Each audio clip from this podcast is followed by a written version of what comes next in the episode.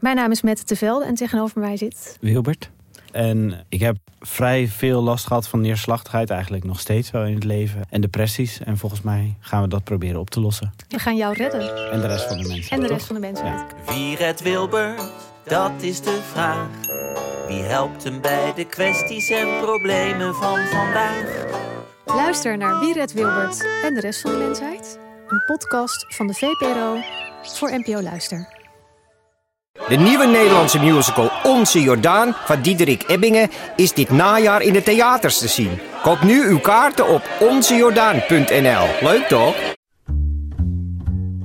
Hallo, dit is de wekelijkse podcast van de Groene Amsterdammer. En ik ben Kees van der Bos.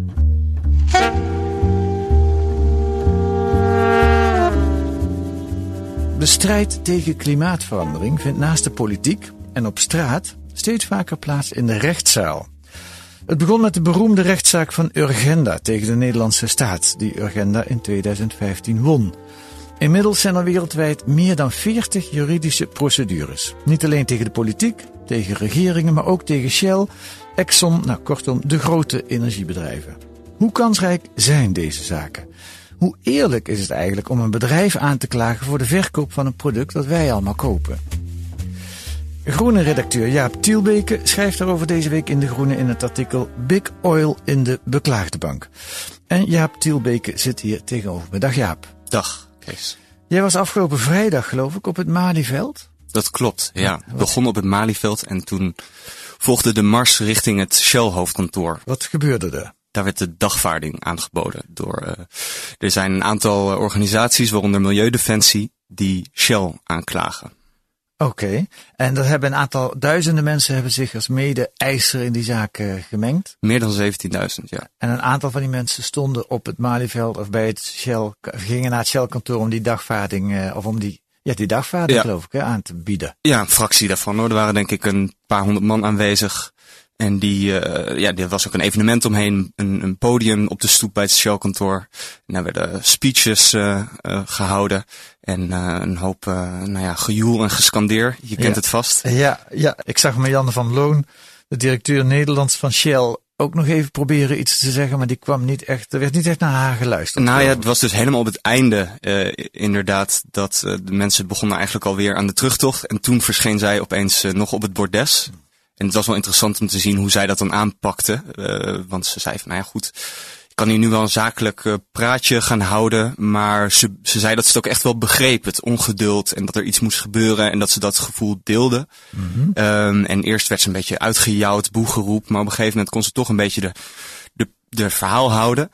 En toen eindigde ze uh, met het verhaal van, ja, laten we het met elkaar doen. Het heeft geen zin om naar Shell te wijzen. Uh, laten we met elkaar in gesprek gaan, zei ze ook. Ja. En toen op het einde, ja, zei de presentatrice van, nou ja, kom dan even op het podium, dan gaan we inderdaad met elkaar in gesprek. Maar toen uh, verdween ze toch uh, snel weer uh, door de schuifdeuren naar binnen. Ja, dat gesprek moet toch achter gesloten deuren plaatsvinden. Ja, ze wilde het in ieder geval niet op het podium houden. Ja. Laten we even kijken, want dit is dus een juridische procedure tegen Shell. Daar gaan we straks nog verder over spreken. Uh, begon met een belangrijke zaak van Urgenda uh, tegen de staat der Nederlanden, uh, waarin ze eiste dat de Nederlandse regering werk maakt van haar eigen plannen eigenlijk, om het klimaatprobleem aan te pakken. Laten we even luisteren naar die uitspraak uit 2015.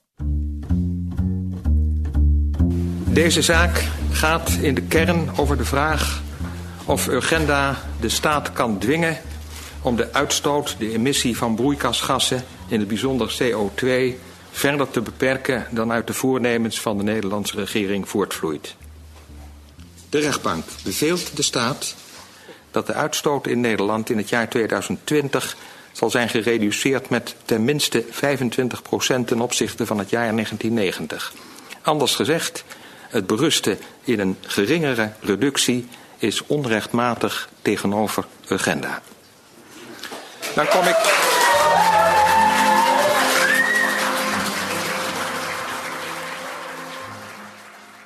De rechter in 2015. Ik neem aan, Jaap, dat jij ook blij was met die uitspraak.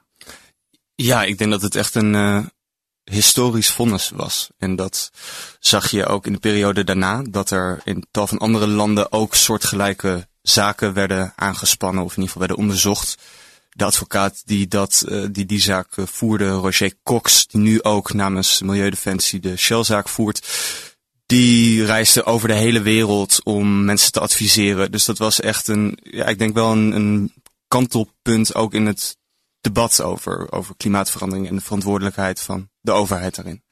De regering is in beroep gegaan, hè? maar de, uits de uitspraak heeft vooralsnog heel veel mensen geïnspireerd. Ja, en vorig jaar was de uitspraak in het hoge beroep uh, en die heeft Urgenda ook gewonnen. En mhm. ik denk dat die daardoor zelfs nog steviger staat, want daarin maakt de rechter ook expliciet het verband tussen mensenrechten en klimaatverandering. En dat is ook een juridische route die nu, uh, waarvan je ziet dat die gevolgd wordt in de zaken tegen de fossiele industrie. Ja, ja. Goed, uh, en deze zaak heeft, is denk ik ook mede inspirator voor de huidige zaak waar we het net over hadden tegen Shell. Ja, het is dus wel echt een ander pad. Ja. Dus je ziet, uh, ja, je ziet grofweg twee stromingen. Zaken tegen overheden die zeggen politici komen eindelijk eens in actie. Maar ook nu een golf of een, een, een, tendens dat Big Oil in de beklaagde bank belandt. Uh, omdat ze zeggen, ja, uh, jullie hebben ook een verantwoordelijkheid uh, om nu iets te doen. En ook, dat, dat is nog net een wat, wat, wat andere strategie, om te zeggen, ja, kijk, we ondervinden nu schade als gevolg van de opwarming van de aarde. Financiële schade, humanitaire schade. En het zal oneerlijk zijn als de belastingbetaler daarvoor op moet draaien. Dus uh, er, zijn ook, er lopen ook gewoon zaken om schadevergoeding uh, te verhalen op um, ja, fossiele uitstoters.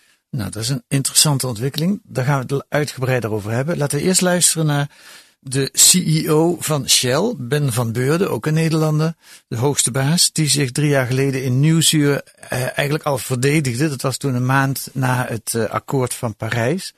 De aanvallen op Shell. En hij zei daar dit over. Uiteindelijk gaat het er in onze sector om dat wij het, uh, het aanbod aanleveren wat uiteindelijk de samenleving uh, vraagt aan ons. De samenleving vraagt op dit moment om een verdubbeling van de energie.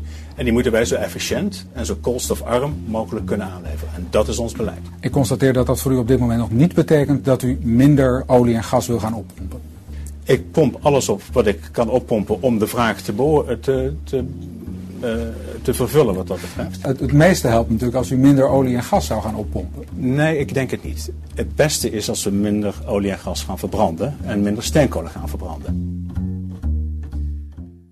Ja, wat Van Beurden hier eigenlijk zegt is het ligt niet aan ons, aan Shell, maar het ligt aan ons, Jaap, jij en ik, zoals wij hier zitten, want wij willen benzine kopen. Ja. Daar heeft hij wel een punt toch, of niet?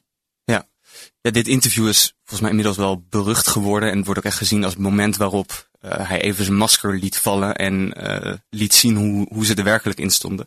En dat mag eigenlijk inderdaad ook niet echt verbazing wekken, denk ik. Nee. Uh, want ja, Shell is tot in de vezels gericht op het winnen van fossiele brandstoffen. En zij zeggen dus inderdaad, ja, wij, wij leveren gewoon waar de consument om vraagt. En dat mag van de wet. En dat mag van de wet, dus wat doen we verkeerd? Ja. Um, maar daar valt denk ik wel een belangrijke kanttekening bij te plaatsen. En dat is ook, uh, het argument wordt, wordt aangevoerd in veel van deze zaken. Is dat ja, is die verantwoordelijkheid wel, uh, even, wel echt gelijk verdeeld? Uh, heeft de consument de macht of de capaciteit om zo'n verandering teweeg te brengen? Of heeft Shell daar toch echt een andere verantwoordelijkheid in. Mhm. En hun argumentatie is, kijk, jullie met de beslissingen die in de bestuurskamer worden genomen, heb je de mogelijkheid om de energieinfrastructuur aan te passen. Kijk, een, een, een automobilist die kan uh, overschakelen op een elektrische wagen of uh, nu bij Shell uh, een, een, een, eurocent extra betalen om wat bomen aan te planten. Ja, sinds deze week hè, meer ja, neutraal ja. autorijden. Ja, maar Shell heeft de mogelijkheid om echt fors te investeren in hernieuwbare energie. Of in ieder geval de investeringen in fossiele brandstoffen af te bouwen. Ja goed, ze hebben die mogelijkheid. Maar zijn ze er ook toe verplicht? Als je toch in een maatschappij leeft waarin je eh, gewoon benzine eh, of olie op mag pompen, er benzine van mag maken, zodat jij en ik in onze auto's daarin kunnen rijden. Ja, ik heb toevallig geen auto, maar ik rijd er wel eens in. Ik weet niet hoe het voor jou is. Ik heb geen, uh, geen auto, okay. wel een rijbewijs. Dus, uh, Oké, okay, daar we zijn. We zijn medeplichtig. We zijn medeplichtig. En als Shell die olie niet, niet, niet, of die benzine niet maakt, dan kopen we het bij een ander. Dus, dus dat, dan, ja. dan, dan blijft het toch. hij doet niks wat niks verkeerd Nee, kijk, de vraag of het juridisch verwijtbaar is, dat is de vraag die nu voor ligt aan de rechter. Ik denk als je het hebt over het morele vlak, dat er wel degelijk een onderscheid te maken is tussen uh, de verantwoordelijkheid van de consument en de verantwoordelijkheid van een groot multinationaal bedrijf als uh, Shell. Uh, omdat zij ook actief klimaatbeleid, effectief klimaatbeleid hebben gedwarsboomd. En uh, ja, zij wisten natuurlijk al lange tijd dat hun verdienmodel schadelijk was voor de planeet, uh, opwarming van de aarde veroorzaakte. En toch hebben ze alles in het werk gesteld om daar zo lang mogelijk mee door te kunnen blijven gaan. En dat doen ze denk ik tot op zekere hoogte nog steeds. En dat is ook de vraag die nu aan de rechter wordt voorgelegd van, um, je kan handelen, je kan legaal handelen en toch um, in overtreding zijn. Dat klinkt een beetje paradoxaal, mm -hmm. maar um, ja, ik, ik, laten we niet helemaal op de juridische details ingaan. Maar uh, een, van, een uitspraak van een rechter in een andere zaak was... Um, als je ondanks dat je legaal handen, handelt, toch schade berokkent aan andermans uh, uh, eigendom, dan kan je daar alsnog uh, juridisch verantwoordelijk gehouden voor worden. Dus het is niet uitgesloten. Het is, deze zaken zijn niet bij voorbaat kansloos, laat ik het zo zeggen. Oké. Okay. Het is interessant. Ik vraag nu jouw mening daarover. Ja. wie ben jij dan? Ben jij dan Jaap Tielbeke de, de journalist of Jaap Tielbeke de schrijvende actievoerder? Oeh, dat is een goede vraag. Nee, kijk, ik heb me als journalist uh, afgelopen jaren natuurlijk veel uh, in dit onderwerp echt uitgebreid verdiept, met veel mensen gesproken. Dus langzaamaan vorm je daar zelf ook je, je ideeën over. En ik denk dat je hier ook niet helemaal neutraal in kan staan. In de zin dat het zo'n groot, overweldigend probleem is. Uh, dat daar ook, nou ja, dat je daar automatisch ook uh, een standpunt inneemt. En uh, ik denk dat de rol van een journalist is dat je onafhankelijk onderzoek moet blijven doen. En de feiten op een rij legt. dat heb ik in dit stuk hopelijk ook gedaan om met heel veel mensen te spreken. Um, maar als je het aan mij persoonlijk vraagt, heb ik wel sympathie voor deze rechtszaken. Ja. Ik ben geen juridisch expert, dus ik kan niet beoordelen in hoeverre ze kansrijk zijn. Mm -hmm. Maar ik denk wel dat ze een interessante, ja, interessante argumentatie aanvoeren. En het is ook los van wat ze in de rechtszaal weten te bereiken, is het denk ik ook wezenlijk om uh, dit publieke debat te voeren. Ja. Hoe, hoe zorg jij ervoor dat jouw opvatting... Kijk, eh, journalist heeft natuurlijk ook opvattingen. Jij hebt ook opvattingen. Dat lijkt me ook niet uh, verboden. Hoe zorg je ervoor dat die je werk als journalist niet in de weg staan? Hoe bedoel je dat precies? Nou, dat je ook... Bijvoorbeeld uh, dit artikel, hè, Big Oil. Daar komen een aantal juristen en advocaten aan ja. het woord. Maar er komen wel alleen mensen aan het woord die die juridische procedures voeren of die die, die juridische procedures steunen. Is ja. dat journalistiek, uh, kun je dat verantwoorden? Je vindt dat er te weinig weerwoord nou, in weet, zit? Ik weet het niet. Ik vraag me af of moet je daar in zo'n geval weerwoord inzetten? Nou, de, de, dat is een goede vraag. Ik denk wat mij interesseert, de vraag uh, die centraal stond in dit artikel, was hoe komt het nou dat uh, deze golf aan rechtszaken nu opeens plaatsvindt? Wat zijn daar de drijvende krachten achter? Wat is de gedachte daarachter? Wat is de redenering daarachter? Dus dan kom je automatisch uit bij mensen die A, die zaken voeren, maar ook die de achterliggende um, ja, juridische redeneringen uh, hebben opgesteld of onderzoek hebben gedaan die worden ingebracht in dat soort rechtszaken. Dus dat was wel echt de hoofdvraag uh, ja. van mijn artikel. Nogmaals even, dit zijn niet allemaal mensen die daar uh, actief bij betrokken zijn. Het zijn ook echt onafhankelijke juristen, onderzoekers. Um, maar die wel inderdaad een, een rol spelen in het, het vormen van uh, deze zaken. Ja, nee, ik denk dat het klopt hoor. Jij schetst het veld. Ja. Dus jij schetst wat er allemaal aan juridische procedures is en wat daar de beweegredenen voor zijn. Ja, en waar die ontwikkeling vandaan komt en waarom dat nu ineens opkomt. Ja. En in dat schetsen van het veld is het niet nodig om ook een advocaat op te voeren die zegt, wat een onzin al die, die, uh, die juridische procedures. Nou, ik heb wel... Uh, kort komt even Jaap Spier voorbij, die in, in, in zekere zin natuurlijk wel voorstander is van uh, ook via de juridische weg probeer, uh, proberen iets te doen aan, uh, aan klimaatverandering. Wie is Jaap Spier ook weer? Jaap Spier is een oud advocaat-generaal van de Hoge Raad. Mhm. Mm -hmm. En zeker sinds hij in 2016 geloof ik met pensioen is gegaan, houdt hij zich heel actief met dit onderwerp bezig. Hij heeft ook altijd uh, een hele enorme staat van dienst op het gebied van aansprakelijkheidsrecht. Wat heel belangrijk wordt in, in dit soort zaken. Ja. En die is wel sceptisch over de gevolgen die bepaalde rechtszaken kunnen hebben. Ja, het wordt een gekke huis, hè, zegt hij. En dan straks gaan die energie, ja, ik, gekke huis, goed, Ja. dat is mijn woord. Maar eh, je kunt al die maatschappijen wel gaan aanklagen. Eh, KLM kun je ook aanklagen, want die vliegen met vliegtuigen die vervuilend zijn. Eh, eh, het wordt een chaos als we alle maatschappijen individueel verantwoordelijk gaan stellen. Ja, hij vreest op een gegeven moment dat het, het, het hek van de dam zal zijn. En dat gaat specifiek over één zaak waarin een Peruaanse boer een Duitse eh, kolenmaatschappij aanklaagt. Ja, laten we die zaak dan nu Ja. bespreken. Want dat is wel een hele interessante zaak. vind. Ja, die Peruaanse boer, even kijken, waar heb ik zijn naam staan? Nou, die weet jij vast uit je hoofd. Eh, ja, moet ik even goed zeggen. Oh, ik dat eerst. Saul Luciana. Luciano is. Ja. Ja. Eh, een Peruaanse boer tegen RWE, Ja. de, een, een, een, een energieleverancier, niet eens een pro- energieproducent volgens mij, RWE of wel? Die hebben veel codes. Oh ja, natuurlijk wel. Ook energieproducent uit Duitsland. En hoe kan nou een, een Peruaanse boer een Duitse eh, eh, energiemaatschappij verantwoordelijk stellen? Leg dat eens uit. Ja, dat is een hele opmerkelijke zaak inderdaad. Ehm, die boer, eh, hij is ook berggids trouwens, die woont ergens in een stad eh, aan de voet van het Andesgebergte en boven hem ligt een gletsjermeer. En dat meer dat eh, vult zich natuurlijk doordat die gletsjers hard aan het smelten zijn. Tot op het punt dat nu, als er nu daar een lawine plaatsvindt, dan kan dat een vloedgolf veroorzaken die ja, die stad in puin legt en zijn huis dus vernietigt. En hij heeft contact gezocht, of is in contact gekomen met een Duitse NGO. En die hebben nu een rechtszaak aangespannen eh, tegen de Duitse kolenproducent. Omdat zij redeneren, zij hebben een aandeel in wat daar nu gaat gebeuren. Dat had ook een Franse of een Engelse kunnen had een zijn. Franse of een Engelse NGO kunnen zijn, Ja. maar ze hebben daarvoor gekozen. En dat heeft volgens mij ook te maken met ehm, dat het, het Duitse rechtssysteem daar iets ontvankelijker voor is. De finesses weet ik niet precies. Eh, maar die zijn die zaak begonnen. In eerste aanleg is het ook verworpen met de gedachte van ja, dat, eh, dat, dat gaat zo niet. Maar in hoger beroep heeft de rechter toch die zaak ontvankelijk verklaard. Ik bedoel, er is geen, nog geen uitspraak over, maar het is al wel in het proces dat er bewijs mag worden aangevoerd en dat die rechtszaak gevoerd gaat Ja, worden. dat is een belangrijke stap. Hè? De rechter heeft Ja. gezegd, dit is geen onzinnige zaak, we gaan dit onderzoeken. Ja.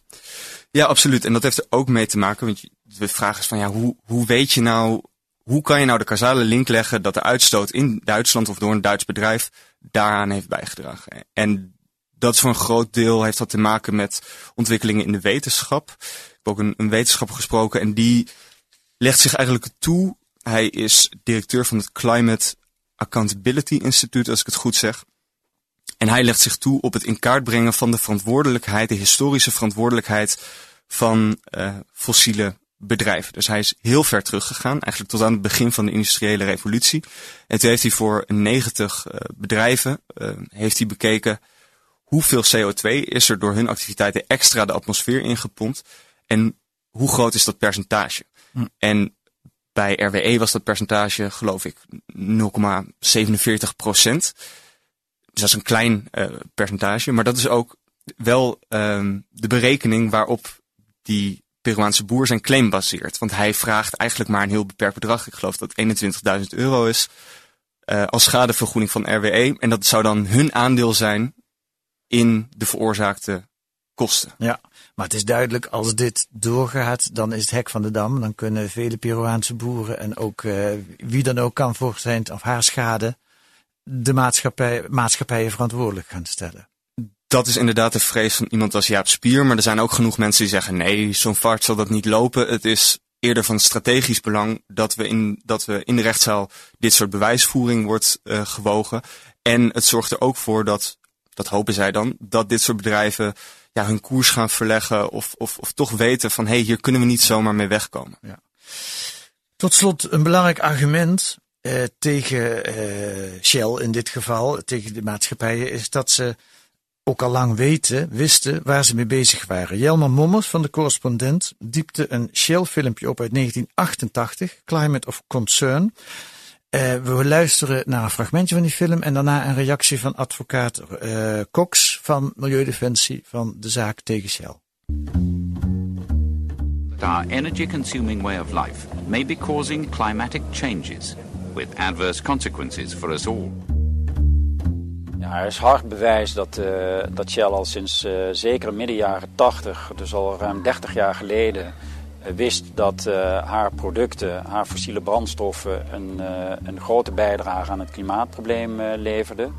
En Shell wist ook dat de consequenties daarvan op termijn catastrofaal zouden, zouden worden. En desalniettemin heeft Shell niet of nauwelijks wat gedaan om, om een bijdrage aan het oplossen van het probleem te bewerkstelligen. En dat zijn goede gronden om, om Shell hiervoor aansprakelijk te houden. Ze wisten het en ze hadden daarom iets moeten doen. En in plaats daarvan hebben ze gelobbyd tegen de regeringen om er iets aan te doen. Dat lijkt me een belangrijk argument, ook juridisch in deze zaak. Ja, dat denk ik wel. Niet alleen in deze zaak, in heel veel andere zaken. Uh, er is ook inderdaad tegen Exxon uh, is ook aan het licht gekomen hoe lang zij dat al wisten, nog langer dan Shell. En dat is een van de meest fanatieke uh, ja, lobbyjaars geweest uh, van, uh, om, om klimaatbeleid te dwarsbomen. En dat wordt nu inderdaad een heel belangrijk argument, in, in ook in de zaak van milieudefensie, uh, denk ik. Ja. Hoe een politiek probleem uitgevochten wordt voor een deel in de rechtszaal. Want het is een politiek probleem. Ik begrijp zelfs dat je daarover een boek gaat schrijven. Dat klopt. Ja, nee, het is in, in, in de kern is het, een, is het een politiek probleem. Maar ik denk ook dat de advocaten die deze, die deze zaken aanspannen, dat ook op die manier zien. En ook op deze manier een publiek debat willen aanzwengelen. Ja, ja. Oké, okay, dankjewel Jaap Tielbeke. Big Oil in de rechtszaal. Elke week kunt u analyses en achtergronden bij het nieuws horen in deze podcast van De Groene Amsterdammer. Deze week in De Groene ook een profiel van Theresa May, de stille prime minister die eigenlijk niet van onderhandelen houdt. Dat zou je niet zeggen als je de laatste tijd kranten leest. En een onderzoek naar de renovatie van de Rotterdamse wijk Karnisse, waarbij bewoners geen enkele inspraak blijken te hebben. Wilt u een proefabonnement op De Groene? Ga dan naar groene.nl slash mooi aanbod. 10 weken De Groene voor 15 euro op groene.nl. En volgende week zijn wij er weer. Deze week werd de Groene Podcast gemaakt door Laura Kelderman en Kees van der Bos. En de muziek is Tune for N van Paul